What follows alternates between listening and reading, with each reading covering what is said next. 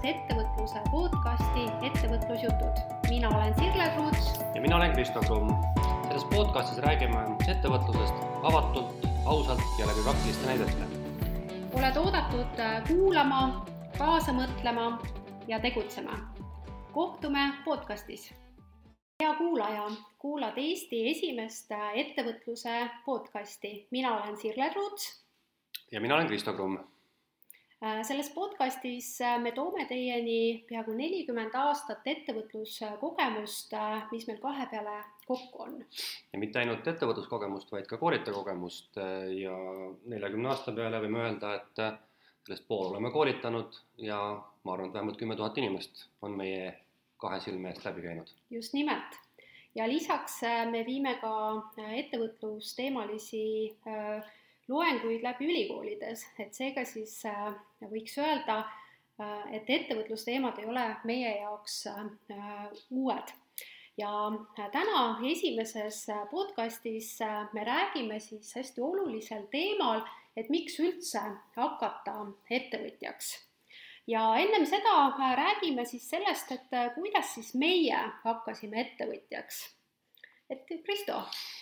mina saan natukese uhkustada sellega, et minu ettevõte on loodud väga ammusel ajal, juba krooni ajal, aga noh, tegelikult jah, ma ettevõtjana füüsiliselt alustasin natuke hiljem. mina ise alati koolitustel ja loengutel ja inimestega kohtus ütlen, et ärge kuidagi alahinnake juhuse rolli ettevõtjaks saamisel ja mina olen ettevõtjaks hakanud täitsa juhuse tahtel. Ma olen vist loonud umbes kümme ettevõtet oma elu jooksul, seda ei ole üldse mitte palju aga need ei ole olnud sugugi mitte riiuliettevõtted, vaid kõik tegutsenud ja, ja minul sai alguse asi nagu paljudel pereettevõttest, et koos isaga, hiljem ka koos emaga, koos oma abikaasaga olen ma neid ettevõtteid teinud. Ja, ja jah, juhus oli see, nii et tegelikult ma olen alati öelnud, et, et kõikidest ettevõtetest ma olen ainult ühe teinud selles, mida ma olen nagu osanud, tahtnud või, või pidanud silmas, et vot sellest ettevõtet, sellist ettevõtet ma tahan teha. seesama, mis ma täna teen, koolitusettevõte, aga sina? Äh, kui ma nüüd ähm, kuulan äh, sinu äh, kogemust, siis, ähm, siis tegelikult ma arvan, et minu ettevõtlus sai ka alguse pereettevõtlusest. aga tegelikkuses ma alustasin eelmises majanduskriisis kaks tuhat seitse, kus kohas minul oli väga praktiline vajadus lihtsalt mul oli vaja sissetulekut suurendada, sest eelmises majanduskriisis suu-, suutsin ennast äh, rahadega äh, üle laenata, äh, kaotasin töökoha, äh, sain tööle, aga see palk ei olnud üldse nii kõrge, nagu mul oli vaja selleks, et kohustusi maksta. Ja seega ma olin sunnitud siis hakata, hakkama ettevõtjaks, aga kui ma hiljem olen mõelnud, siis minu perekond on olnud hästi ettevõtlik, sest mu ema ja isa kasvatasid peete Äh, loomi, äh, müüsid neid äh, siis kokkuostu ja kuulsin ka seda lugu, et minu vana-vanaema oli sõja ajal üks väga lugupeetud õmbleja. et seega siis tõenäoliselt äkki ma loodan, et on geenides ka. väga huvitav, muuseas mul on täpselt sama lugu. Minu, minu vanemad on samamoodi kasvatanud kõiki loomi ja, ja kõik, kõikesuguseid, mis maas kasvab ja ma olen nende kõrvalt seda kõike koos teinud ja, ja täna ma mõtlen ka, et mul on täna vist niimoodi, et, et minu noh, isa on olnud pikka aega ettevõtja, mu ema tegelikult on ettevõtja, eh, kuigi nad on pensionid, aga nad tegelevad ettevõtlusega, mina olen ettevõtja, minu abikaasa on ettevõtja, minu perest käib tööl ainult minu üks poegadest mm. -hmm. rohkem nagu justkui poegadel keegi ei käi ja minugi vana-vanaisa oli muuseas rätsep. No väga äge selline kokkusattumus, et meie oleme mõlemad koolitajad ja meie vanavanemad on olnud äh, rätsepad. Äh, siitkohalt jällegi siis äh, hea mõte, et sageli ettevõtluskoolitusele jõuavad inimesed, kes ütlevad, et nendes ei ole ettevõtluskeeli, et nad ei ole olnud varem ettevõtjad, et äkki siis peaks uurima sugupuud ja mõtlema sellele, et mida vanemad on teinud, et võib-olla on see ettevõtluspisik ikkagi ka olemas ja meil on selline uskumus, et me justkui ei ole ettevõtjad. mina ütleks veel niimoodi, et vaata paljuski me ei oska ära tunda, mis on ettevõtlus, vaata sa tõid praegu mm -hmm. välja, eks ole, et et siin äh, vanasti nõukaajal kasvatati loomi ja müüdi kokkuostu. me kuidagi ei pea seda ettevõtluseks, aga täna tegelikult ettevõtja ju seda teebki, eks ole, et ja nõukaajal oli see kuidas nimetati, see hangeldamine või, või, või, või eks ole, spekuleerimine, tegelikult oligi see ettevõtlus ja, ja seetõttu inimesed arvavad, millest me ilmselt ka räägime või räägime järgmine kord, et ettevõtlus on firma loomine. tegelikult saab täna ettevõtlus tegeleda ilma firmat loomata. ma arvan, me ühes podcast'is kindlasti räägime nendest juriidilistest võimalustest, aga täna ei pea inimene üldse ettevõtet loomagi, olles siis sisult ettevõtja, ja on olemas veel selline tore mõiste nagu ettevõtlik käitumine, mis võib olla inimesel täiesti olemas, eh, kuigi ta ei ole juriidiliselt ettevõtja no ja on ka vastupidi, et inimene on juriidiliselt ettevõtja, aga tegelikult temal ettevõtja käitumist ei ole. et jah, eh, see Eh, mis asi on ettevõtlus, on palju laiem kui see, mis tegelikult ilmselt inimesed aru saavad või enda ümber näevad jaa, ma olen täitsa nõus sellega, sest mind väga ennast inspireerib Tony Robbinsi ütlus, et ettevõtlus on innovatsioon ja turundus. Ja innovatsioon, me oleme küll sageli seda seostanud startup idega, aga mis on innovatsioon, see on tootearendus, see on nõudluse märkamine Äh, see on äh, mingi toote-teenusega väljatulemine ja turundus on ju sisuliselt äh, suhtlus kliendiga, kommunikatsioon. ja seega siis meie esivanemad tegelikult märkasid seda nõudlust, märkasid, kus kohas raha liigub ja, ja pakkusid seda sinna, et see, et seega siis noh, miks hakata ettevõtjaks Äh, kindlasti noh, üks äh, ongi see, et märgata seda nõudlust ja tahta muuta seda, äh, seda see on igihaljalt niimoodi ju tegelikult olnud, eks ole, ma arvan, et juba kiviajal piltlikult öeldes. just, et seega siis nüüd sa said ülevaate, hea kuulaja, sellest, et kuidas meie oleme hakanud ettevõtjaks ja kuidas üldse siis noh, vaadata seda ettevõtlust kui sellist, et ja, ja mina usun väga, et eestlased on hästi ettevõtlikud ja, ja seega siis, kui on selline kahtlus endas, et kas ma olen ettevõtja või mitte, et siis äh, tuleks see oma ettevõtluspisik ikkagi äh, enda seest äh, välja otsida ja kas või väikeste sammudega seda siis hakata ellu viima.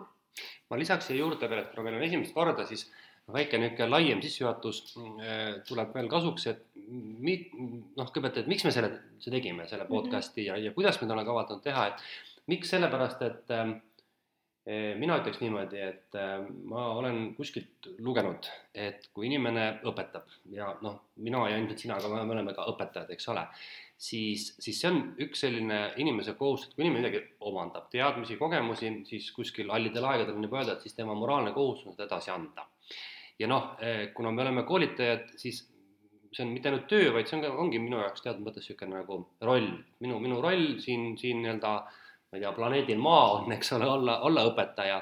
ja me tahamegi jagada neid kogemusi eh, ja talletada neid siis ka natukese elektroonselt, et kui me räägime koolitustel, siis see läheb ju tavaliselt õhku minema mm. -hmm. aga nüüd me loodame, et, et jääb meie kogemusest märk maha, mida saab laiemalt jagada, mis annaks inspiratsiooni ja ega tegelikult me ju ei äh, saa loota, et inimene selle kuulamise peale nüüd kohe tormab ettevõtet looma, aga me usume mõlemad, et, et see annab inspiratsiooni, see annab inimestele mõtteainet ja meie eesmärk on rääkida praktilistest asjadest, mida me ise teame, mis me oleme ise kogenud, mida meie kliendid on meile tagasisidestanud, mida me teame ettevõtlusest läbi ülikooli eh, akadeemilise ringkonna ja igapäevaselt seda nii-öelda põllul olles. me jagame teiste inimeste kogemusi kindlasti mine tea, võib-olla tuleb keegi meile küllagi veel kolmandaks, eks seda paistab. ja, ja noh, mis seal salata, eks me teeme turundust ka natuke, on ju, iseendale. ja just, äh, sest äh, nagu ma ütlesin, et äh, äri on või ettevõtlus on ka suhtlus kliendiga äh, ja tõesti äh, see meil Kristoga kahe peale peaaegu nelikümmend aastat kogemust, seda on isegi võib-olla kuritegelik äh, jätta nendesse pisikestesse ruumidesse või väikesesse inimeste ringkonda, keda me koolitame, et seega äh, me oleme selles mõttes avatud äh, jagama äh, neid hästi toredaid lugusid ja võib-olla teinekord keerulisi lugusid ettevõtlusest ja muidugi ka praktilisi näpunäiteid erinevatel teemadel. keda me siis tahaksime, et kes seda podcast'i kuulaks, mis sa arvad? noh, minu selline kujutlus on sellest, et, et seda võiks kuulata tegelikult iga ettevõtlik inimene Äh, sellepärast et äh, ettevõtlus, nagu me mõlemad oleme kogenud, ongi selline lõputu eneseareng, lõputu protsess. Ja teinekord võib-olla isegi tegutsev ettevõtja, kes on juba ammust ajast alustanud, kuulab ka sellist võib-olla mõnda alustajate teemat, kus kohas ta saab aru, et ohoo, et no ma ei olegi selle peale üldse mõelnud, on ju. et mul on näiteks koolitusel äh, aeg-ajalt tegutsevad ettevõtjad tulnud, äh, kes on öelnud, et nad on nüüd äh, need ämbrid läbi kolistanud ja nüüd nad siis tahaksid teha niimoodi, nagu peab. ja, ja need on alati hästi vahvad lood olnud. ma ei tea, kuidas sinul kogemus on? ma lisan siia mõnda asja juurde, kõigepealt, et, et kes võiks olla kuulaja mm. -hmm. ma käisin hiljuti mäest alla sõitmas suuskadega. Mm -hmm.. noh, mäesuusatamiseks on Eestis nagu palju nimetada, aga sõitsin mäest alla. Ja näen, trehvasin oma sõpra. Ja siis veetsime tundi koos seal mäe peal. Ja tema, enne kui ta minule tere ütles, võttis omale kõrvaklapid peast ära. tänapäeval inimesed käivad jooksmas, suusatamas, mis nad veel teevad, sõidavad rattaga, jalutavad, kogu aeg kuulavad midagi.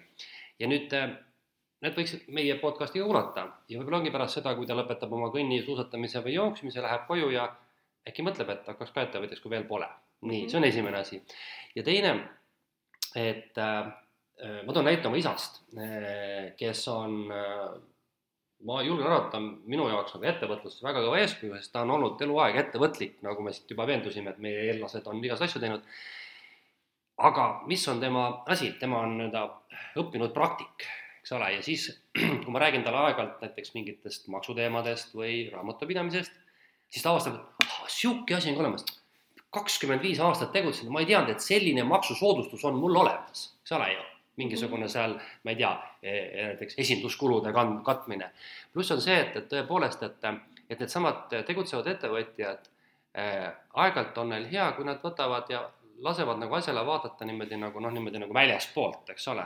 et, et see koolituse tulemine ongi see, et, et sa oled kogu aeg midagi asju teinud, sa isegi oled tegelikult täitsa edukas võib-olla, aga aga sa ei ole nagu mõtestanud asju lahti niimoodi nagu kõrvalt vaatab elu, et keegi inimene vaatab sulle otsa, ütleb, et aga mis sa nii ei tee.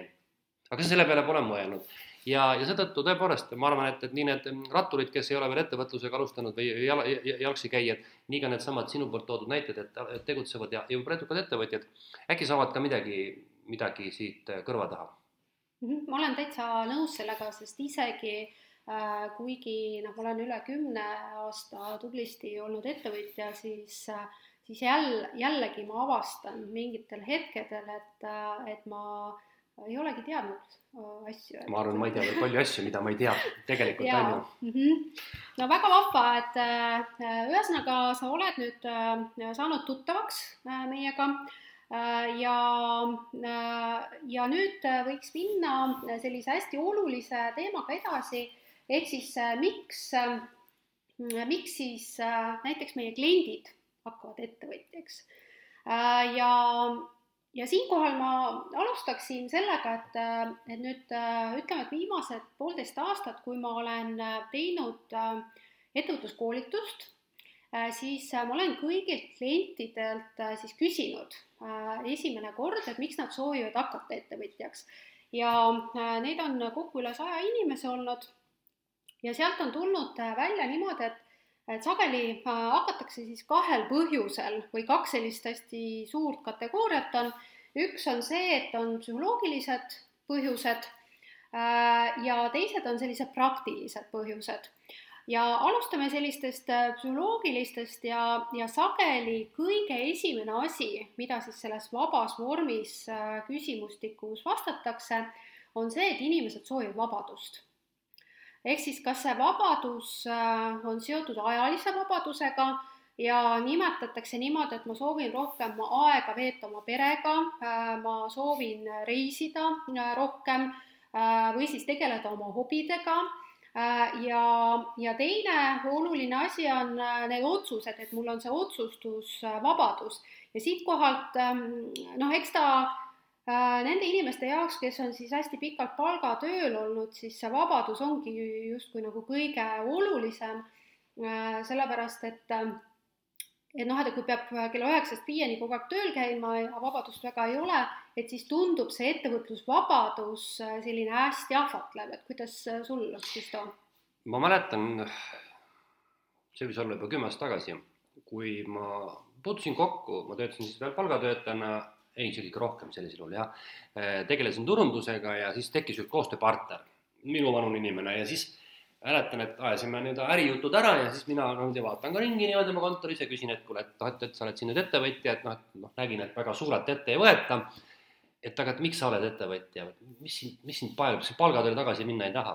ja siis tema ütles niimoodi, et, et kõige suurem väärtus on see, et, et ta võib ise otsustada, mida ta teeb, millal teeb, kuidas teeb, tal ei ole kedagi, kellele aru anda, tal ei ole kedagi, kellega, kelle nii-öelda käske täita. Mhm. ja ta saab ise otsustada, teha või mitte teha Eh, tol korral tuli see meelde, aga ma ei tajunud seda ja nüüd ma olen siis ise äh, nagu tunnetanud seda, et ka minu jaoks täna äh, ja hästi paljude nende inimeste jaoks, ma ei ütle kõikide, aga hästi paljude inimeste jaoks, kes ka minu koolitusel käivad, kes samale küsimusele vastavad nagu sullegi, ütlevadki, et, et noh, nii need eksisteerivad kui ka tulevased ettevõtjad hindavad seda iseenda vabadust tohutult palju Mm -hmm. ja, ja ma mõtlen samamoodi täna, et, et ma võiksin ju näiteks palgatöötajana võib-olla olla palju prestiižsemal ametikohal ja saada palju rohkem isegi palka äh,. aga, aga see, see nagu see, see vabadus ise otsustada teha või mitte teha.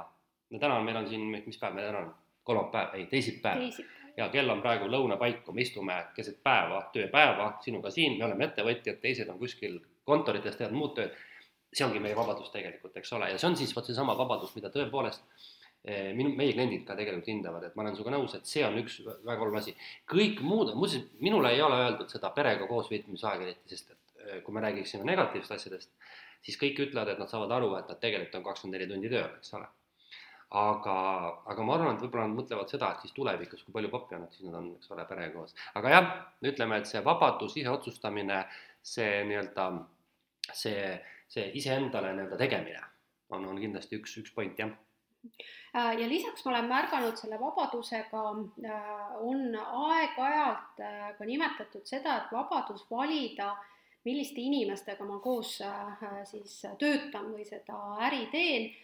ja mida ma olen märganud, ähm, on see, et sageli seda nimetavad need ettevõtjad, kes on kas palgatööl kas läbi põlenud või neid on nagu mõnes mõttes väärkoheldud, et väärkoheldud ma mõtlen siin seda, et nad on tühjaks pigistatud äh, kui sidrun äh, tööandja äh, poolt, et siis on see inimestega koos töötamise vabadus, et ma saan ise valida, kellega ma siis suhtlen, see ka hästi-hästi oluline.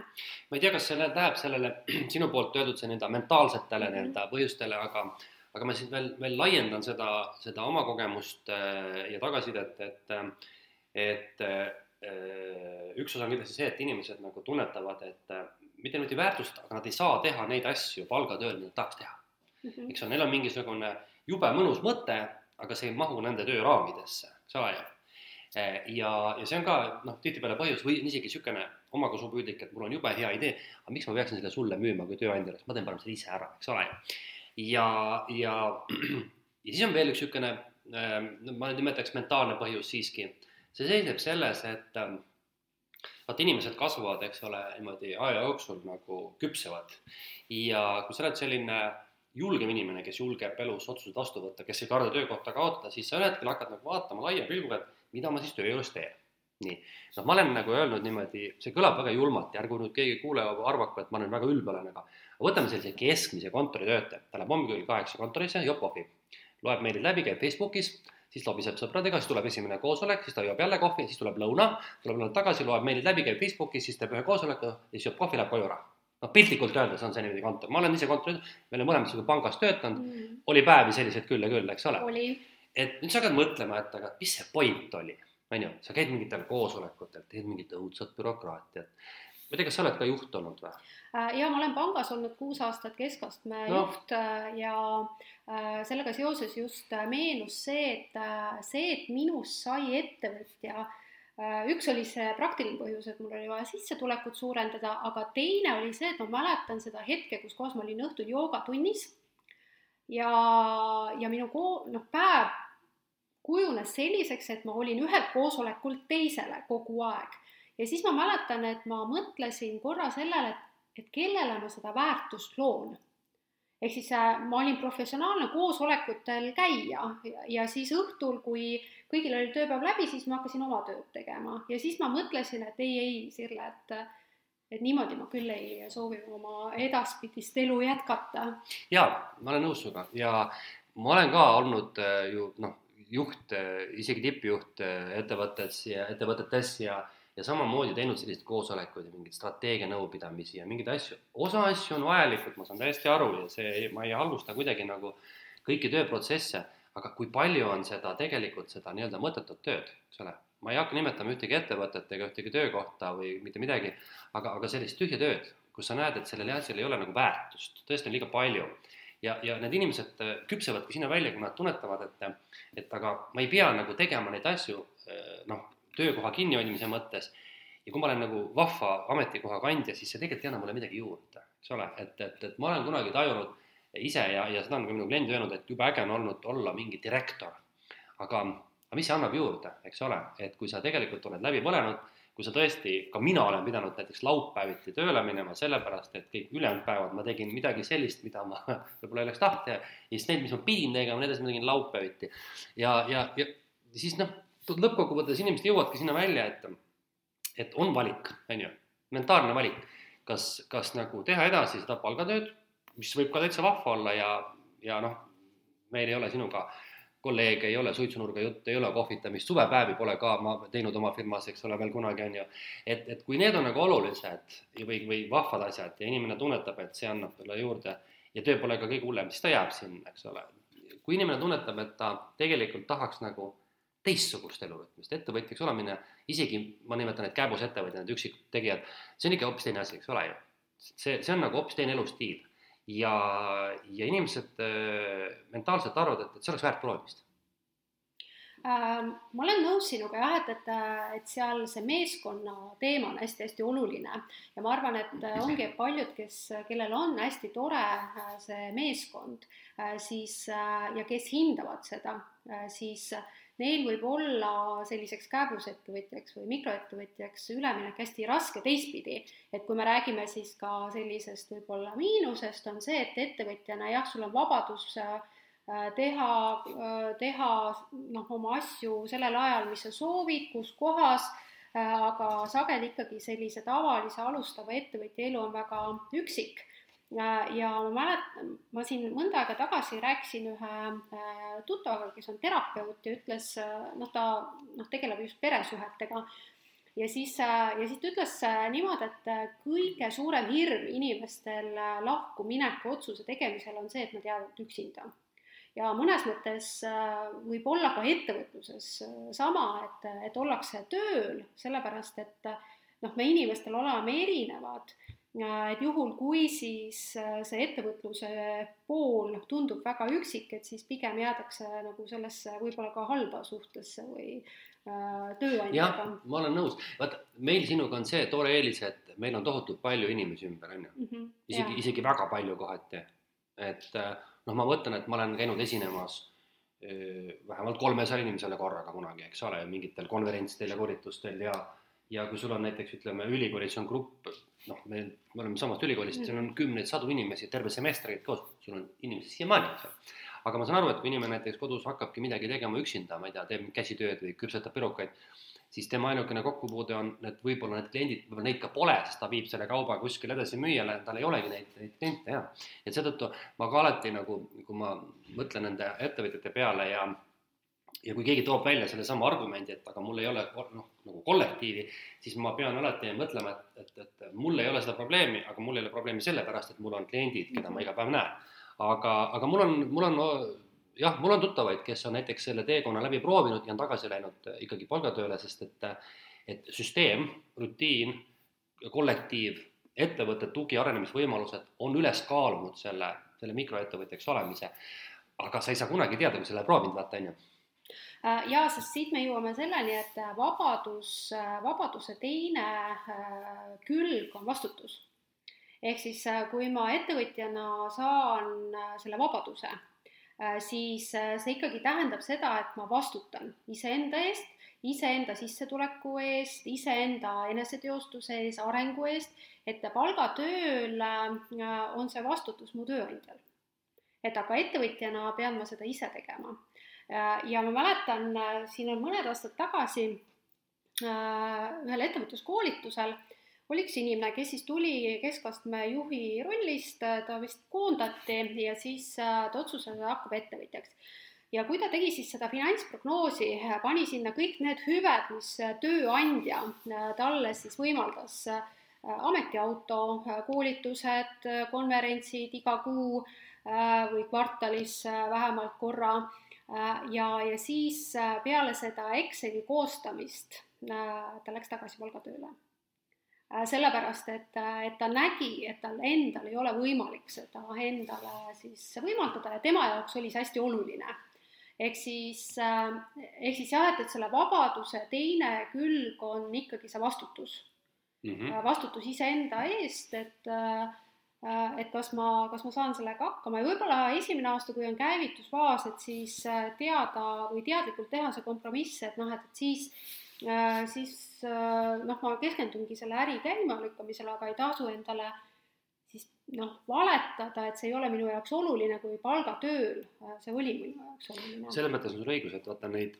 hüvesid tihtipeale ei aruta sisse, eks ole, et mm -hmm. kui sa nagu mõtled, et noh, et, et meie sinuga peame iseendale auto liisima, ise oma telefoniarve kinni maksma ja komandeeringusse lähme ka oma raha eest, eks ole, ükski tööandja meile seda ei maksa. mina tegin äh, ühel koolitusel ise läbi sellesama Exceli tabeli, no see oli mingi viis-kuus aastat tagasi kui oli vaja teha just nimelt eelarvet ja siis ma ütlesin, et noh, et, et aga, et, et ärme siis kedagi eelista, et ma teen iseenda näitel teile. ja tead, ma ei olnud mitte kunagi seda teinud. ja ma paningi täpselt ausalt kõik need numbrid, mida tahaks ja ma ehmatasin ära muuseas. Ehk tol hetkel oli minu käive vähemalt kaks korda nii väike, kui ta oleks pidanud olema. ja siis ma hakkasin mõtlema tõesti, et opa, et kui ma tahan nii palju palka saada, kõik need kulud katta ja väikest kasumit ka saada, siis ma tegelikult pean kas midagi täiesti ümber mängima või palju rohkem tööd tegema ja, ja selles mõttes on see õige. ja, ja mina mäletan seda aega, ma ikka alati koolitustel räägin, et et ma tean, kuidas sina hakkasid ettevõtjaks, sest ma olen, tunnen sind üsna ammu, sina hakkasid palju kiiremini ettevõtjaks, minul võttis see protsess pikemalt aega, sest ma pendeldasin ülikooli ja ettevõtja vahel aga, aga mul võttis see ikkagi, see oli ikka väga raske protsess just nimelt sellepärast, et, et needsamad nii-öelda hüved, sa pead kõik ise nagu välja maksma. ja teiseks on see, et, et et vaata seda igakuiset palka sul keegi ei maksa arvele, eks ole mm. -hmm. et äh, sa pead nagu ise suutma oma finantsdistsipliini luua ja seda on ühe aastaga, isegi kahe aastaga raske teha. Äh, eriti veel, kui sul kõik on nii heitlik, eks ole ju. et see, et, et see palka ei maksa mitte raamatupidaja, vaid kliendid, see ongi hästi oluline. noh, ma toon näite siin täitsa avalikult öeldes, sellel aastal täna meil on kuu, mis meil on täna, kahekümne viies, ma olen ainult ühe arvele ära kirjutanud. ja see oli nelisada eurot, kõik ehk siis see tähendab seda, et, et, et see ongi selle kuu minu ainuke sissetulek olnud, võib-olla tuleb veel. ehk et tähendab seda, et ma olen, mina ma olen pidanud siiamaani rasva korjama, on ju niimoodi. ja, ja minul võttis, ütleme kuskil kaks-kolm aastat aega, et saada süsteem, kuidas nii-öelda kassavooli sealt raha hakkab ettevõttesse liikuma. et, et, et ma teadsin, mul on vastutus pere ees, eks ole, iseenda finantsküsimuste ees ja kui sul on veel töötajad, siis on sul veel seal ka vastutus, on ju. Mhm. Äh, ja, äh, ja siit me jõuamegi just selle raha teemani, äh, et noh, mida ma ka märkan, et kui ma siis klientidele ütlen, et jah, et, et sa paned selle vabaduse sinna, et siis aga pane sinna number juurde, sest sageli selle, et miks ma soovin hakata ettevõtjaks, sinna ei lisata siis neid numbreid või siis see, et üldse raha, sest mul on olnud ka koolitusel inimesi, kes Äh, kes ütlevad äh, selliselt, et ma soovin hakata ettevõtjaks, aga, aga minu jaoks raha ei ole üldse oluline.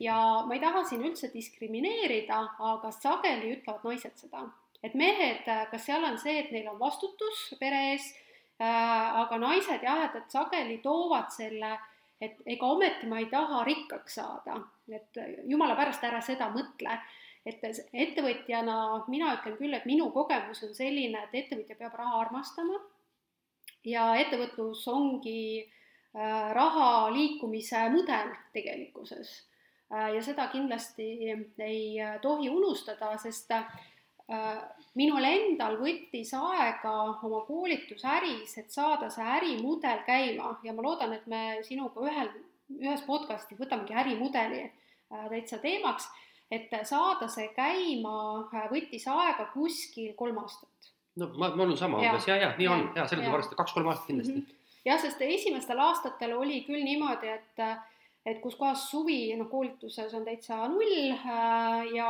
oligi nii, et septembris, kas ma saan nüüd pak-, maksta endale palka või ei saa ja, ja tänu sellele koolitusäri hooajalisusele tulid minul tooted mm, -hmm. raamatud e, e-raamatud, sest, sest lihtsalt see on nii selline hooti, et sest koolitusäri ei, on ka neid koolitusärisid, mis on hästi stabiilsed, aga, aga noh auto, autojuhi koolitus näiteks. jah, just, just kogu aeg, eks ole, käib.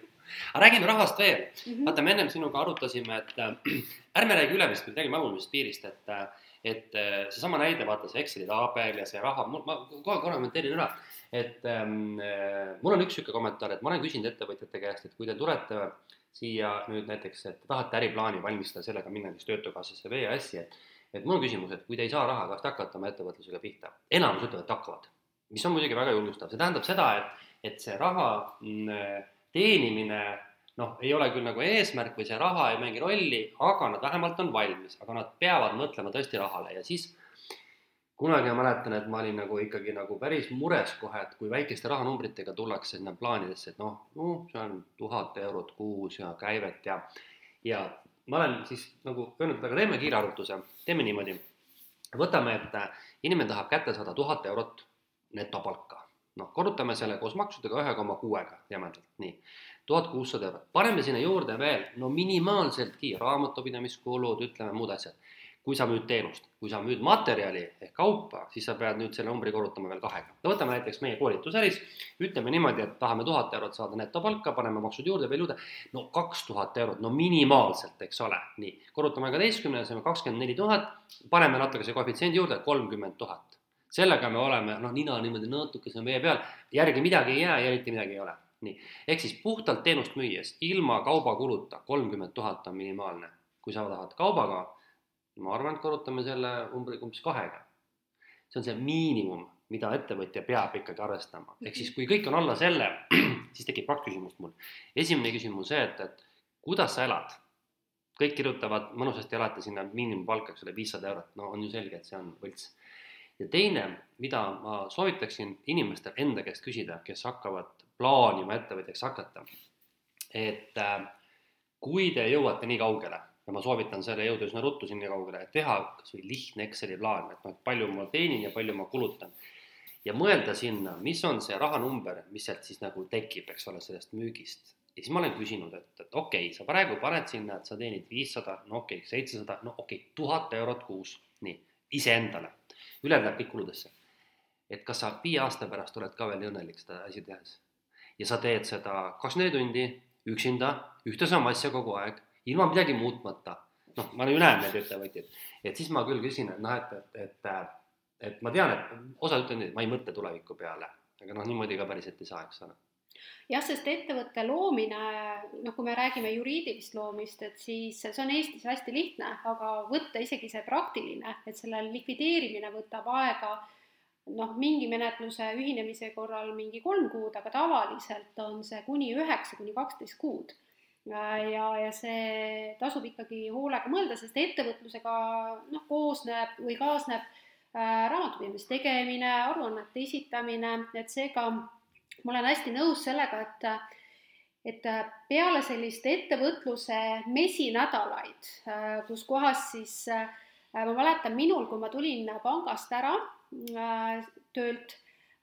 Ja alguses siis mul olid ka need ettevõtluse mesinädalad, kus kohas ma hommikul magasin pikalt, siis ma jõin kohvi, käisin jalutamas, siis või päeval trennis Äh, noh, et, et tegin kõike seda, mida ma siis ei saanud palgatööl teha ja siis äh, ma mäletan, et kuskil kas kolme või kuue kuu pärast äh,, isegi see oli vist kolme kuu pärast, ma vaatasin, et äh, pagan, et aga kontojääk muudkui äh, väheneb. et, et, et see, et see ei ole jätkusuutlik tegelikkuses ja mina näiteks olen oma äris iga aasta oma palka suurendanud, et ma lähtun oma äris, nagu ma oleks ikkagi palgatööl muidugi äh, noh, ettevõtjana sa vaatad, et kui palju su vajadused on, aga näiteks ma ei pea päris õigeks seda, et, et ma töötan miinimumpalgaga, sest või siis skeemitan seal, mis on vale ja ebaeetiline igatpidi. Et selge on see, et ettevõtjad seaduse raames optimeerivad, et see, sellest me saame ka tulevikus rääkida, aga tõesti, see raha on selles mõttes oluline, et me peame endale ikkagi ettevõtjana ka looma elamisväärse igapäevaelu, mitte see näiteks, et siin teinekord, mina ka olen küsinud, et et jah, et, et sa võtad niisuguse vastutuse, sul on hästi suur see töökoormus ettevõtjana alustuda, alustades alati, et kas sa tõesti oled selle miinimumpalgaga õnnelik. ehk siis see vaimustus sellest ettevõtlusest ju mingi aeg möödub, aga ma tahan sult küsida seda, et tõenäoliselt meid kuulavad inimesed, kes võib-olla ei ole veel ettevõtjad äh, või siis on alles alustavad, et, et miks see äh, kaubaäri kahega kuulutada, et, et äh, täpsusta seda. no lihtne mm -hmm. näide on, toon sellise praktilise näite. mul oli kunagi jälle ammu aega tagasi oli üks inimene, kes ütles, et kirjuta mulle äriplaan no mis äri on, ma tahaks hakata müüma kasutatud rõivaid, nii. Äh, ja tal oli mingi mõte, et ta toob kuskilt nendest äh, firma brändide ladudest toob sellist eelmiste aastate mudelit, et ta ei müü päris nagu neid second-hand'i, aga ta müüb selliseid laojääke. nii, no väga hea, ma tegin siis kiire sellise arvutuse, et, et, et kui palju ta peab neid asju müüma, siis davai, teeme siuke arvutus, et viissada eurot on sul rent, ta tahaks hästi fancy's kohas seda, viissada eurot on sul rent, nii siis on sul ähm, vaja eraldi mm, äh, maksta palka vähemalt kahele müüjale, muud kulud ka, no me saime mingi vähemalt kolm tonni, mis peaks olema see puhas tulu. nii, nüüd ma ütlesin, kui palju sa sellelt ühelt riidelt, mida sa sisse ostad, siis teenid? no viis kuni kümme eurot. ma ütlesin, et väga hea, jagame kolm tuhat viiega. mitu tükki sa pead kuus müüma? oota, miks pa nii palju? ta ei tagunud ära, et kui ta müüb selle särgi kahekümne viie euroga, et temale tuleb sealt ainult viis eurot, et ta mhm. peab ju sisseostu ka arvestama. ta nagu mõtles tükk aega, et aa, vot selle peale ma ei tulnudki üldse, eks ole. ehk siis nagu noh, tegelikult ju nii elementaarne asi. et kui sa nagu kauba sisse ostad siis, kuuskümmend protsenti, vahest rohkem, vahest vähem võib olla selles selle materjali või selle kauba mhm. enda maksumus, eks ole mhm. ehk siis äh, oluline on äh, siinkohal see, et äh, kui alustada ettevõtlust, siis ennem kui üldse kuhugi tormata, siis tasub teha arvutused, et võttagi Äh, kas paberpliiats, Excel, äh, arvuti, et teha sellised äh, arvutused. Ja mina sageli enda asjadel teen, noh, ma olen selline eesmärkide inimene ja ja mina siis teen näiteks sellel aastal, kuna ärikeskkond on hästi selline ebastabiilne, ei tea, mis tuleb, kuidas tuleb, siis, siis mina teen sellistel aegadel selline pessimistlik plaan siis on realistlik ja siis on optimistlik ja siis ma vaatan, et kumb, milline nendest kolmest strateegiast äh, siis äh, noh, hakkab nagu seda suunda võtma. noh, sellel aastal see algus on selles mõttes läinud äh, kenasti, et, et sihib sinna realistliku suunas, aga selge on see, et et kui ma tegin selle optimistliku ja panna see paberile siis äh, seal kohe mustvalgelt on kirjas, et selleks, et selle optimistliku plaanini jõuda, ma pean midagi, seda innovatsiooni tegema, midagi uut tegema. Äh, ja, ja teinekord, kui keskkond äh, siis muutub hästi, et siis võibki olla see pessimistlik ja võib-olla seal ongi see kuskil kolmkümmend tuhat aastas või, või võib-olla mõne, mõnikord noh, maapiirkonna ettevõte, kes kes teeb enda ruumides, ei ole sellist suurt kulu, et võib-olla seal on ka väiksem see aga, aga jah, et, et äh, tuleb aus olla nendes numbrites, et äh, see on esimene enesepettus, kui ignoreerida seda. jaa, ma olen siinkohal isegi tihtipeale öelnud niimoodi, et et noh, kõlab julmalt, aga et vaadake, et äriplaani tihtipeale iseendale kirjutada väga pointi ei olegi, aga finantsplaan tuleb kirjutada ja no mida, mida, mida finantsplaani kõlab põhimõtteliselt kas seesama nagu ütledki, et see väike Exceli arvutus, eks ole, et kui sa juba oled oma idee peale mõelnud, tee korraks see läbi, vaata, mis need numbrid sealt tekivad. kuule, aga me tegelikult oleme jäänud rahasse kinni, et meil tegelikult oli neid, neid praktilisi põhjusi ju veelgi, mikspärast ettevõtjaks hakatakse peale nende mentaalsete. Ja noh, üks on kindlasti endale töökoha loomine, et selle, sellest me natukene ka juba rääkisime läbi raha, aga aga tegelikult äh, noh, inimesed kas või selle koroona tingimustes päris paljud on maale kolinud äh, linnast äh, välja, ja seal mul on koolitusel olnud peaaegu igas grupis on olnud kliente, kes ütlevad, et neil on ainukene võimalus luua omale töö, töökoht maale. Äh, sellepärast et äh, kas tööandja ei võimalda enam seda distantsilt äh, tööd. Ja ma mäletan, üks klient eelmine aasta ühel koolitusel ütles niimoodi, et nad perega ka kolisid maale.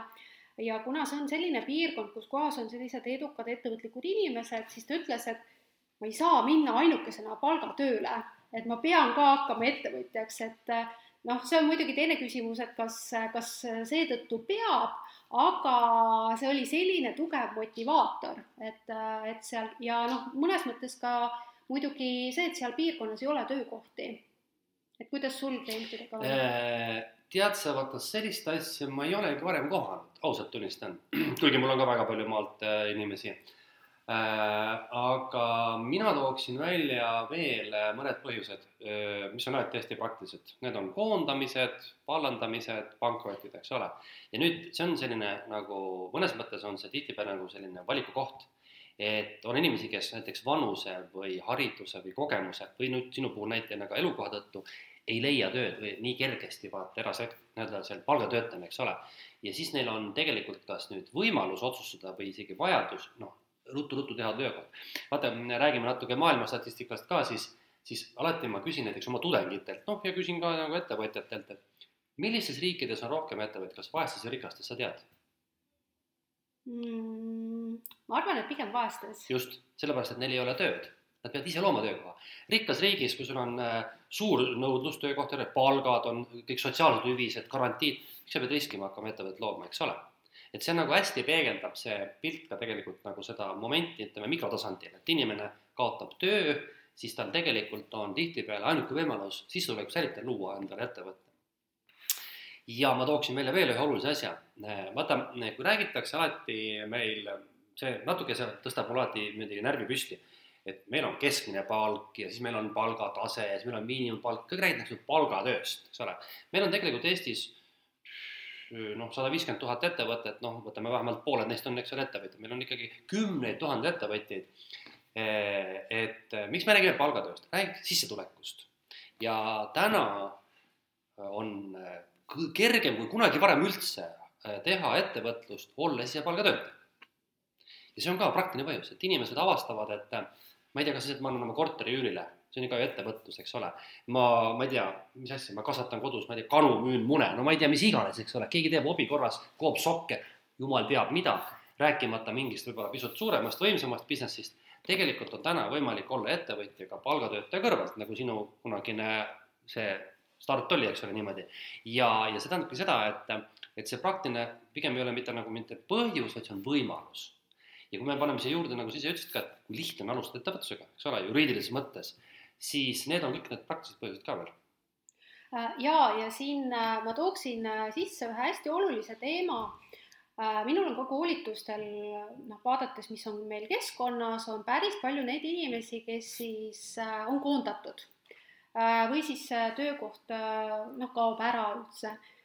ja siin, mis, mis sina arvad sellest, et kas see inimene, kes siis nüüd on koondatud mõnes mõttes ta võib olla sundolukorras, et hakata ettevõtjaks või mitte, äh, siis äh, kas äh, ta peaks siis valima midagi täiesti uut, mida sageli tahetakse, et et ah, et tühja see minu kakskümmend aastat kogemust, et nüüd on see aeg, see on minu aeg elus ja nüüd ma võtan midagi täiesti uut ja teen seda, on ju, või siis ta peaks vaatama sellest omas valdkonnas neid ärisuundi tegelikult on äh, väga keeruline küsimus, kui sa nüüd oleks praegu, ütleme, ma oleksin, nõustaksin praegu mm, -hmm. siis mul oleks praegu päris tõsine koht, kus ma mõtleks, kuidas ma sulle nüüd vastan, eks ole. aga et mitte nüüd vait jääda ja jääda mõttesse, siis eh, vaata noh, kõigepealt esimene asi on see, et paljud ei saa ju oma töökoha edasi kanda, kui sa oled olnud mm, avalikus sektoris ametnik, siis võib-olla sul ei ole sellist oskust, mida erasektoris üle kanda, see on esiteks, eks ole teine pool on see, et, et sul võib olla ilgelt palju ägedaid hobisid, aga kui need hobid ei ole nagu läbi mõeldud, läbi mõtestatud ja nad ei ole ka tegelikult realiseeritavad ettevõtluses, siis sellest hobist pole ka midagi kasu. no ja väga paljud teevad muidugi seda, et nad lähevad ikkagi õppima kuskile midagi või, või püüavad mingite kursuste või koolituste käigus seda hobi või seda teadmist edasi arendada. aga, aga noh, tegelikult äh, ma ikkagi arvan, et kui see, kui see, kui on täidetud kaks põhitingimust, inimese kogemused on võimalik üle kanda erasektorisse, ehk siis ütleme ettevõtlusesse ja teiseks, et on olemas nõudlus selle järele, siis miks ta ei võiks sellega jätkata? Need kaks tingimust peaks olema täidetud nõudlus peab ka muidugi olema, eks ole, vot me siin rääkisime mingil hetkel vist alustuseks sellest ettevõtjaks saamisest, siis ma olen äh, oma koolitustel ülivähe, ma, mul on see printsiip, et ma kunagi ei ütle inimesele, et kuule, sinu idee on totakas, mine sellega nüüd koju tagasi, sest ma ei tunne ju kõiki ärisid, eks ole. mina püüan nagu, kui, kui nii-öelda selle kui see tulemüür vastu peab, et inimene minu nii-öelda sellistele vastikutele küsimustele oskab vastata, siis ma ääretult usun, et ta on võimeline seda realiseerima. küll on olnud paar üksikut korda, kus ma olen öelnud, et ära sellest asjast äri tee ja see on olnud pigem sellest põhjus, et, et need ärid on pigem kas MTÜ-laadsed, heategevuslikud või nad pole absoluutselt jätkusuutlikud. et noh, tehakse üks asi valmis ja ongi kõik, eks ole, et noh, et kunagi oli näiteks näide, kus inimene tahtis mingisugust äh, mingit äh, kogukonnale mingi asja rajada, no siis no rajad ära, mis edasi saab?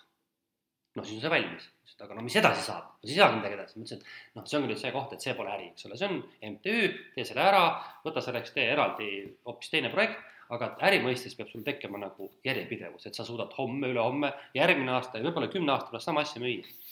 et noh, need asjad peaks olema täidetud. jah, ja kui ta on töötanud mingis valdkonnas, mida on võimalik rahaks keerata, jumala eest, andku tuld jah, siin äh, mina olen märganud seda, et inimesed, äh, kes on hästi pikalt olnud selles palgatöö mugavustsoonis, äh, siis ei suudeta hinnata neid oma tugevusi ja, ja sageli võib nende tugevuste pealt tegelikult tekkida see äriidee, mida üle kanda. noh, mõnes mõttes võib-olla, võib-olla kõige parem näide on virtuaalassistendi teenus.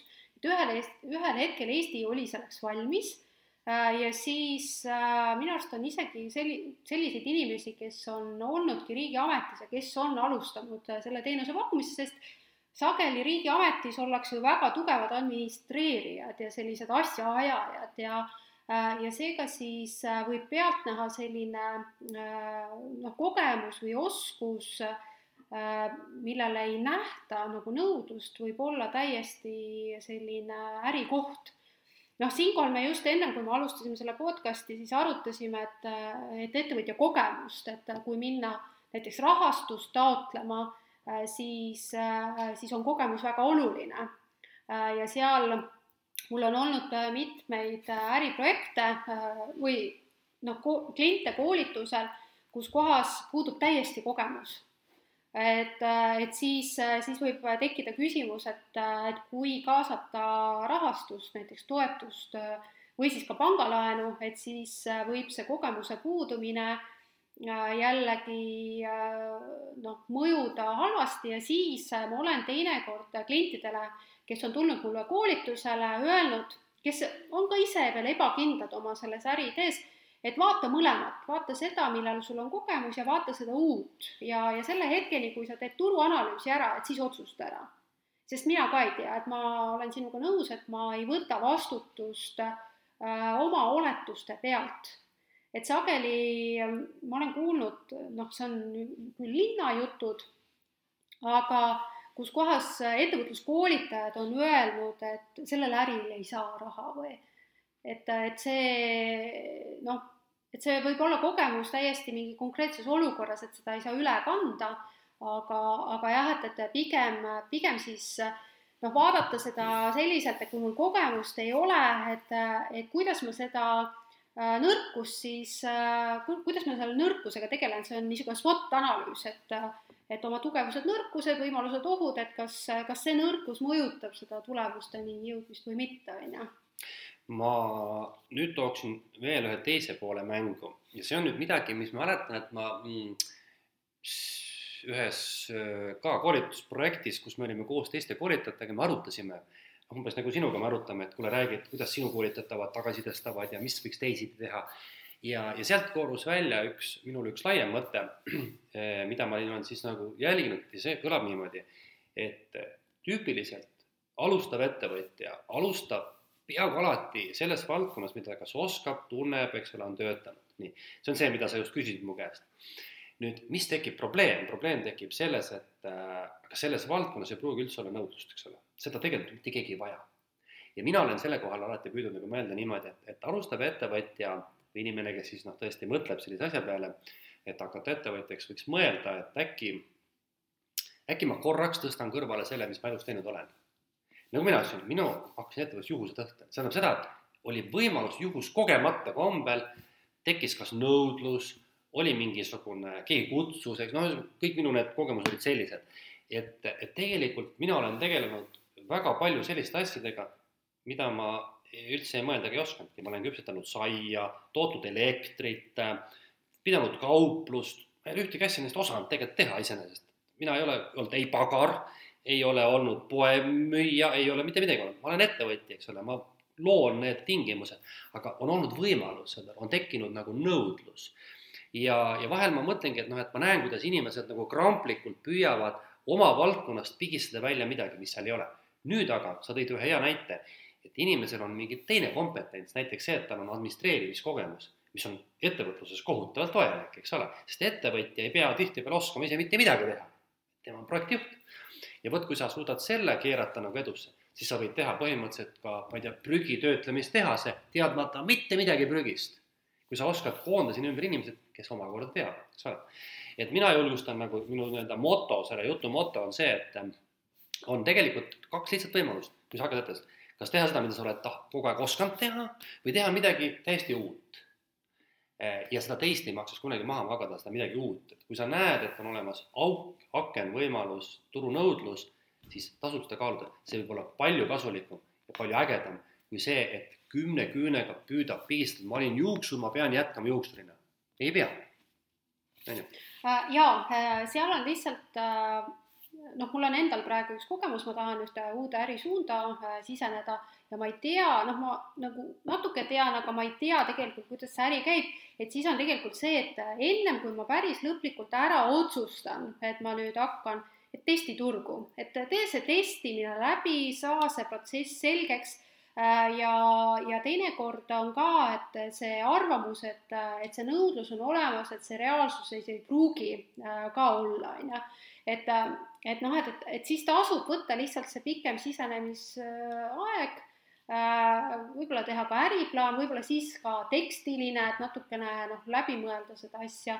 Äh, ja ja noh, teinekord muidugi on ka see, et kui on näiteks keegi, kes on selles valdkonnas olemas, kellel on kogemus ja endal ei ole, siis teha mitme peale, aga see on juba eraldi teema, et jah, et, et, et niisama sõbraga või kellegagi, keda ei tunne, äri hakata koos tegema, see on teistpidi väga riskantne. mul on üks lugu rääkida, iidammu aasta tagasi, aasta oli umbes, ma arvan, kaheksakümmend kaheksa või midagi taolist, kui üldse hakati esimesi kooperatiive looma. ja minu väga hea tuttav ja sõber tegi tolle kohta sellise asja nagu komisjonipoe. ta tegi suure poe ikka kohe, mitte niisuguse pisikese. mina siis küsisin, et kuule, kuidas sa oskad seda teha? noh, nõukaajal, kujutate, kus olid kõik nii-öelda riigikauplused et kuidas sa teadsid, kuidas kõik see asi käib üldse? Eh, mitte ühtegi raamatut polnud kirjutatud peale selle nii-öelda Nõukogude majandusökonoomika ja Mark, Marxi kapitali ja, ja polnud mingisuguseid koolitusi ka ja tema ütles niimoodi, et vot üks teine sõber tegi sellise poe ja ta läks selle sõbra juurde ja veetis seal aega, küsis, vaatas, istus, uuris, kuidas see asi käib. ehk elust endast õppis.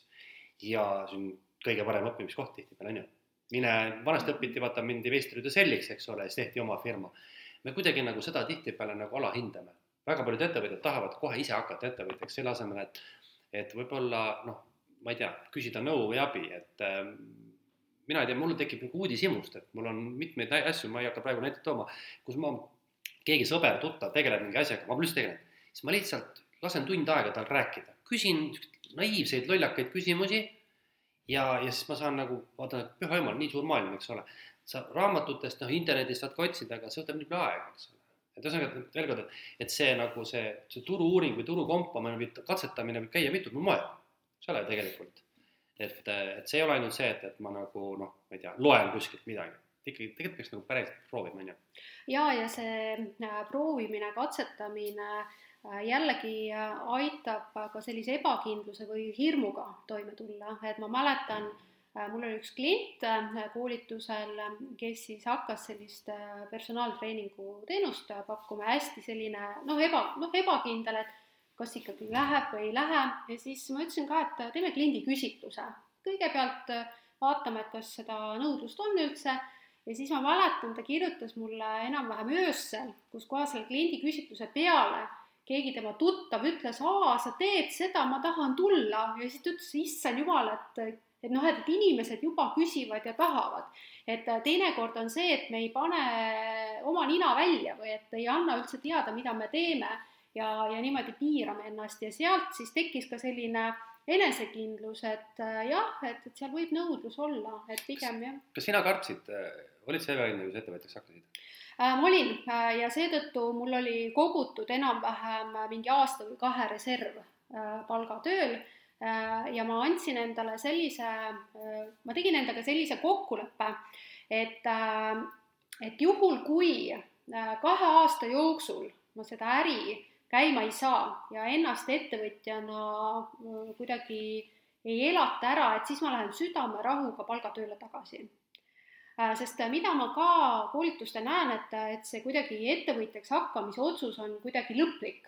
et kui ma lähen palgatööle tagasi, siis ma olen läbi kukkunud ja, ja mul õnnestus esimeste tuludeni jõuda äh, kuskil kuue kuu jooksul. ja, ja siis ei tekkinud vajadust palgatööle tagasi minna, aga jah, et, et, et ma mäletan, et ma lugesin ühte Ameerika coach'i raamatut ja seal ta ütles, et kaks aastat on selline aeg anda endale see võimalus, noh, kuigi Eesti ärikeskkond on selline pisikene, et siin tuleb see tulemus sageli kiiremini, aga jah, et, et et selline, mina jah, andsin endale, et, et ja ma olin hästi ebakindel, sellepärast mul oli ju, ma olin õppinud palgatöötaja ülikoolides, mind õpetati edukaks palgatöötajaks ja ettevõtlus tundus kuidagi hoopis teine maailm. nojah, vaata sel ajal äh kui meie käisime, ütleme ülikoolis, siis niisugust ettevõtlust peaaegu ei õpetatud, eks ole ju. Mhm. ja õpetatigi raamatupidamist ja turundust ja majandust ja makroökonoomikat, jah, tõesti. ega meid ju ettevõtjaks ei õpetatud, juhtimist vist natukese õpetati, aga see on ka ju pigem erasektor, eks ole, või noh, et palgatöötaja juhtimine. et äh, ma olen sinuga nõus, et, et väga tihti ettevõtjad jah, võtavad seda kui lõplikku ja neil tegelikult äh, see, see esimene nagu pauk tekib siis, kui nad ütleme, kes lähevad raha taotlema, saavad eitava vastuse, vot siis on nagu oh,, mis ma nüüd teen, et noh, kõik oli ju rajatud sellele, vaata, eks ole. et ähm, ja nagu ma ütlesin alguses, et, et seda annab tunnistust ka see näide, et kui sa küsid inimeselt, et kui sa raha ei saa oma äriplaanil, kas sa äri ikka ära teed, jah, teen küll, noh, see tähendab, et see, see otsus on lõplik, mis muidugi ühelt poolt nagu julgustab, eks ole, aga teistpidi nagu võib-olla tõesti eh, noh, ikkagi mingisugune selline noh, back-up või, või, või selline nagu mingisugune alternatiivstsenaarium võiks tegelikult ju olla ikkagi olemas ka, jah aga mhm. miks veel ikkagi ettevõtjaks siis hakatakse äh,? noh, ma arvan, et äh, seal noh, enamus äh, selliseid põhjuseid, äh, millega mina olen kokku puutunud, me oleme täna siin isegi välja juba toonud, et et noh, võib-olla kokkuvõtlikult ongi see psühholoogiline, et saada noh, seda vabadust ja ja, ja ise otsustada ja ja noh, see eneseteostuse pool, et mul on lihtsalt palgatööl juba igav noh, teine on see töökoha loomine, omale sissetuleku äh, loomine, et see on, see on hästi-hästi oluline. Noh, üks, üks asi on veel, mis, mida ma ei ole küll väga palju kohanud, aga seda on ka, on see, et näiteks endal on mingi probleem ja sellist lahendust toote-teenuse näol ei ole turul. ja, ja siis äh, ja siis lihtsalt siis hakatakse ise seda tegema, sageli on see näiteks Äh, noored emad, kes on lastega kodus, siis äh, näiteks kui laps on kas äh, allergiline mille, millegi suhtes või selliste erivajadustega, et noh, et, et, et kui inimese enda elu ei lähe sellisesse võib-olla masstarbimiskultuuri, siis sealt sünnivad sageli väga head äriideed mm. -hmm et kuidas sul on? Äh, mina, ma olen teinud sellise, tead, mulle meeldib õudselt kasutada püramiidi kujutist millegipärast ja siis ma olen nagu kujutanud ette ettevõtjat kui ühte püramiidi. noh, kui nüüd meie raadiokuulajad kuulevad, siis mõel-, noh, kujutage ette nii, et eks ole, all on hästi lai selline põhi ja üleval tippkitsas ja kui nüüd kujutad ette seda püramiidi teate nagu mõõtkavas, siis all on see, et on, on hästi suur, lai nii-öelda vundament, eks ole, ja mida ülespoole, seda vähemaks kogus läheb. Ehk siis nii-öelda koguse telg on ülevalt alla, aga rahatelg on alt ülesse. nii, nüüd seal all istuvad need ettevõtjad, keda me enamus kõik nimetame elustiili ettevõtjateks, vot need ongi need, miks hakatakse ettevõtjaks, et ma olen hästi paljude mikrode käest küsinud, nad ütlevadki, elustiil meeldib, kõik need, mis me oleme täna rääkinud, eks ole. aga elustiiliettevõtjad iseloomustab see, et nad on tihtipeale noh, rahalises mõttes ikkagi piiratud nad, eks ole ju, nad teevad asju väiksel määral, äh, nad on vajalikud, nad teevad seda tööd, mida suured ei viitsiks teha, eks ole, nad on paindlikud. Ja, ja sinna saab hakata ka tõesti nii palgatöö kõrvalt kui ka ütleme vanas eas, kui ka ütleme maal elades, lapsekodus on, et ta lisab nagu õudselt palju võimalusi, et see on nagu üks põhjus, mina, ma ütleks, et, et selle vundamendi kõige suurem nagu see põhi ongi vaata elustil ettevõtmine. ma tegin kunagi statistikat meil on Eestis kuuskümmend viis tuhat ettevõtet, kus töötab üks inimene, ei tööta mitte kedagi. ja me võime öelda, et need on kõik elustiilettevõtjad, eks ole, tegelikult mhm. saja viiekümne tuhandest, noh, see on ikkagi tugevalt üle kolmandiku. siis äh, järgmine tasand, keda ma alati ettevõtetena vaatan, on, mina nimetan neid, neid idee-ettevõtjateks. et, et ma toon näite, kes on idee-ettevõtja, näiteks idee-ettevõtja on vot sina tõid näite sellest koduperenaistest, eks ole. mul oli kunagi ühed ähm, tudengid, kes rääkisid üks loo, et nad läksid mingisugusele, mis oli see, Pärnu Weekend festivalile ja ütlevad, et, et kõik on väga äge, aga üks probleem on, kuskil ei saa telefoni laadida. ja nemad mõtlesid välja, et tootsid sellise kasti, suure kasti, kuhu pandi kuuskümmend laadijat ja läksid sellega järgmisele festivalile ja korraga sai laadida kuutekümmet telefoni, iga laadimine kaks eurot. vot see on ideeettevõte, eks ole, et sa tuled, sa näed võimalust, sa näed nõudlust. kolmanda tasandi, mina nimetan neid siis nii-öelda äh, nagu spetsialistettevõtjad. Need on need inimesed näiteks, ütleme noh, toome siis näite peale need ehitusettevõtjad, ütleme näiteks, et, et mina nüüd olen ehitusel, ütleme mingi, mingi projektijuht või tööde juhataja, ma tunnen seda turgu, eks ole, ma tunnen klienti, ma tunnen äri, isegi mind tuntakse. Ja nüüd ma otsustan, et, et ma teen ise ettevõtte, aga ma tunnen seda valdkonda, ma teen ka ehitusettevõtte, eks ole, et ma nagu sünnin spetsialistist ettevõtjaks, nii siis neljanda tasandi või sealt järgmise moodustavad minu jaoks sellised, keda ma nimetan administraatorettevõtjad. Need on sellised tüübid, kes töötavad näiteks ütleme nagu sina ja mina kuskil juhina, eks ole. me teame, kuidas organisatsioon töötab, noh, jagame matsu finantsidest, rahast, personalist, eks ole ju, turundusest, meil on sidemed, asjad ja nüüd mingil põhjusel saab meie jaoks kah see palgatöö kuidagi nagu otsa või igavaks. nüüd me teeme ettevõtte, aga me ei tee sellist mingit põlve otsas, me teeme nagu suure peale võtame teisi inimesi, me oleme administraatorid, me oleme mänedžerid, me teame, kuidas ettevõtet luua. ja kõige tipus, püramiidi tipus, keda on kõige vähem, on need tõelised ettevõtjad, need on siis need, keda me kutsume ärimeesteks, need on, mina nimetan investorettevõtjad. Mm -hmm.. noh, Eestis kõik, eks ole, tiputegijad, need on need, kes panevad raha sinna, kust raha tuleb. Mm -hmm.. vot, mina ütleks, et need ongi põhjused, miks hakata ettevõtjaks.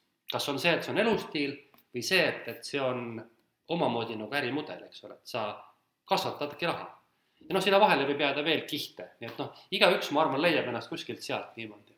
kus kohas sa ise ennast äh, positsioneerid? tead, ma kunagi olin, ähm, ma olin kunagi seal äh, ideeettevõtja tasandil, teisel tasandil, väga paljudes ettevõtetes. see oli see, et ma tegin midagi muud tööl ja tekkis võimalus ja, ja, ja, ja ma olin seal, täna ma olen pigem elustiilettevõtja sest ma ei ole, ütleme, et mul ei ole see idee, mida ma teen, ei ole nii nagu, ütleme, et teistpidi öeldes, et ma teen seda, mis ma oskan, eks ole. kui ma nüüd täna näiteks toome näite, et ma ütleme, hakkaksin millegi kolmanda asjaga tegelema, ma ei tea, mis iganes asi võiks olla, mul on tegelikult mõned mõtted olnud siin ja mul isegi, isegi mingid juriidilised kehad olemas. et kui ma teeks midagi, mis on kuidagi nagu noh, et ma näen seal mingit nagu võimalust või, või vaheldust, et siis ma oleks nagu ideeettevõtja. aga ma arvan, et sinna järgmiste tasanditele saamiseks noh, peaks olemagi nagu hoopis teine mastaap noh, juba sul on töötajaid palju, sul on, eks ole, suurem äri, et, et tihtipeale ütleme, selline suurem mass ettevõtjatest jääbki sinna esimesele kahele tasandile pidama.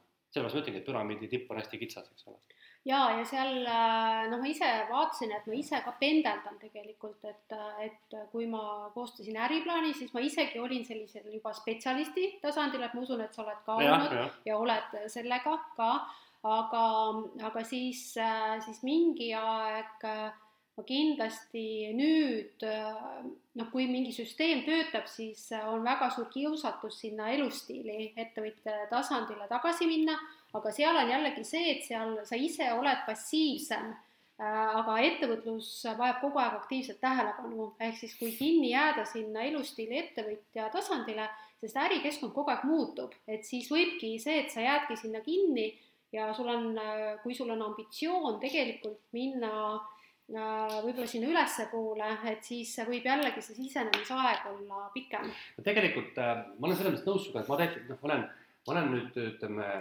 eelmisel aastal ma võtsin vastu sellise otsuse, et olles nii kaua teinud sama asja, ma vajan mingit muutust. aga nagu sina ütlesid, et ei ole mõtet ju võssa visata mitukümmend aastat kogemust, eks ole, ma mäletan, me sinuga ükskord ülikoolis arutasime pikalt, et mis teha, kas minna hakata professoriks, eks ole ju.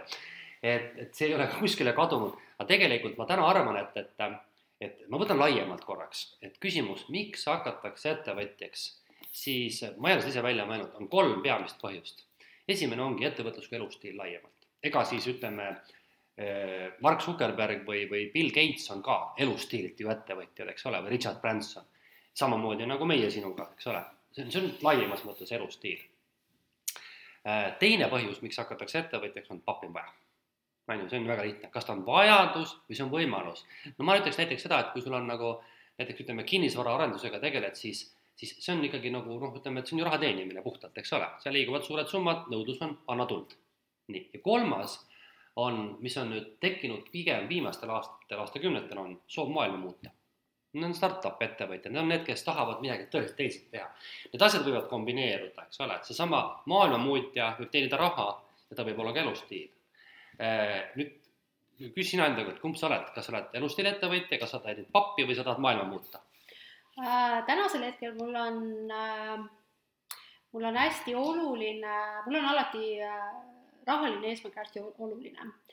Äh, ja sellest tulenevalt ma alati vaatan, äh, et, et kas see idee, millega ma maailma muudan, praegu mul on hästi tugev see selline innovatsiooni ja selline võib-olla ka natukene teadustöö eesmärk, et just nagu sellises e-koolituste või koolitusteenuse digitaliseerimises ma tahan nagu sellest aru saada ja see on nagu maailma muutmine, see on Eesti koolitusturu muutmine.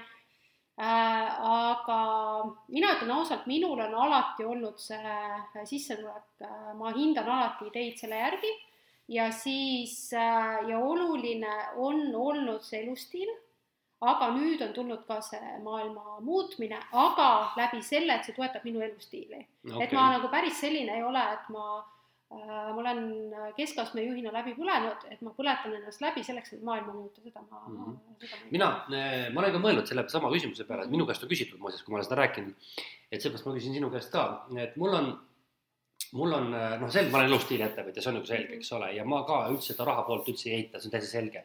ma siiamaani ei ole väga maailmamuutja olnud. nüüd täna ma mõtleks niimoodi ja mõtlengi niimoodi, et ma tahaksin leida kõrvale mingi asja, mis ei pea esialgu olema rahalises mõistes väärtust, aga mis annab mingi suurem väärtus, no mis ongi natuke see maailma muutmine, eks ole, võib-olla väiksem tasandil. ja, ja mingil hetkel võib see ka hakata raha tootma. Et ma vaatan näiteks ümberringi oma tuttavad, mul on üks hea sõber, kes on väga suur spordi ja tervise fänn, ta näiteks korraldab lastele sporditreeninguid, teeb seda väikse raha eest, see ei ole rahalises mõttes, see ongi tema maailma muutmise soov. vot ma olen umbes samasugune et ma, ma tahaks niimoodi, et see vundament oleks piisavalt tugev, et elustiil ja raha on. nüüd ma võiksin kõrvalt natukese midagi teha ka, mis on nagu suurem pühendumine. jah, sest äh, ma näen koolitusel eelkõige just äh, noh, noored äh, alustavad ettevõtjad tahavad, seavad hästi esikohale selle maailma muutmise. ja see on ääretult Äh, ilus vaadata, aga ettevõtluses äh, me ei saa unustada iseennast ja me ei suu-, saa unustada seda, et me elame materiaalses keskkonnas, kus kohas on vaja, et see ärimudel ka toimiks, et äh, et seega tasuks seda vaadata, aga nende mõtetega see kolm sellist tasandit, et sellega on hea siis tegelikult meie esimese podcasti ka kokku võtta Äh, ja soovitada ka siis kuulajatele, et äh, kui sa meid kuulad, et äh, mõtle ka ise, et miks siis sina soovid ettevõtjaks hakata, siis et kas sa, kas sa oled elustiili suunas või see sissetuleku suunas või maailma muutmise suunas, kuigi mul on niisugune tunne, et need peaksid olema kolm kõik esindatud, et siis oleks ta selline tasakaalus. Äh, ja me küll plaanisime ka alustamisest rääkida, aga meil läksid jututeemad nii sisukaks ja põnevaks, et äh, järgmises podcastis me siis äh, räägime tegelikult sellest ettevõtlusega alustamisest, eelkõige just püsimisest, kuidas motivatsiooni hoida selleks, et ettevõtjana siis tegutseda, et mis põhjustel või mis olukordades see motivatsioon ära kaob Äh, ja siinkohal meil on ka juba, me oleme juba arutanud neid teemasid, päris põnevad asjad, äh, mis äh, tulevad arutusele. on sul, Kristo, veel midagi? ega ei olegi hea, ma just mõtlesingi, et, et selle, selle nii-öelda niisuguse kokkuvõttega on hea nagu lõpetada just, et, et et noh, mingi, mingi tung on inimesel kõigepealt noh, see ütleme, et tegelikult on ju alati see, et on mingi praktiline põhjus, miks, miks selleks hakatakse ettevõtjaks, aga, aga minu soovitus on see, et, et noh, kui nüüd tõesti nagu nälg ei ole päris nagu nüüd majas, eks ole, et siis võiks korra niimoodi nagu noh, ma ei tea, nimetame filosoofiliselt natukese mõelda. et ja, ja tõesti, mine küsi sõbra käest, et kuule, sa oled ettevõtja, minul on, minu käest on käidud küsimas, minu sõbrad on käinud minu käest küsimas, räägi mulle, kuidas sa ettevõtjana teed, kuidas sa alustasid, sa toime tuled. ja, ja, ja sellega võib, võiks täitsa vabalt ka niimoodi tehagi, et mine küsi mõne sõbra käest, vaata ringi, eh, kui sa oled otsustanud selle sammu astuda. Et, et see võib-olla annab sulle palju parema teadmise, kui, kui hakata katsetama või siis ma ei tea, minna kuskilt raamatust lugema, raamatut võib alati lugema ja, ja siis peale seda siis juba, kui on nagu pilt olemas, et siis tõesti hakata katsetama, vaatama, teha, teha esimesed sammud, äh, sest ettevõtlus on alati aktiivne tegevus, mitte passiivne unistamine. parim äh, teooria praktika. jah, just, just et igal juhul äh, suur aitäh, et sa kuulasid ja kohtume juba järgmisel korral. ja ole siis ettevõtlik. just, kõike head. kõike head